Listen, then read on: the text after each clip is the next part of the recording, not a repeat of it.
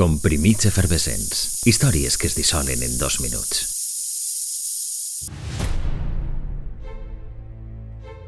Blanche, Rose, Sofia i Dorothy s'acomiadaven de l'audiència en un capítol final vibrant.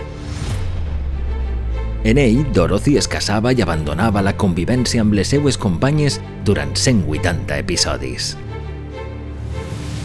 Aquell xalet de Miami tancava per a sempre. Un 9 de maig vora 30 milions d'espectadors assistiren al capítol final d'una sèrie antològica, The Golden Girls. Coneguda a Espanya com les xiques de oro, precisament Bea Arthur qui interpretava a Dorothy el detonant que precipità el final de la sèrie. Els guionistes dissenyaren a correcuita un desenllaç digne, però tenien en ment donar-li continuïtat d'alguna manera. Rue McClanahan, que interpretava a Blanche, va proposar buscar una nova companya de xalet, però els responsables de la sèrie s'inclinaren per un spin-off que seria un fracàs d'audiència.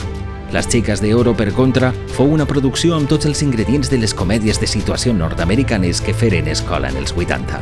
Tot passava per aquell xalet de Miami habitat per quatre sexagenàries amb perfils molt definits.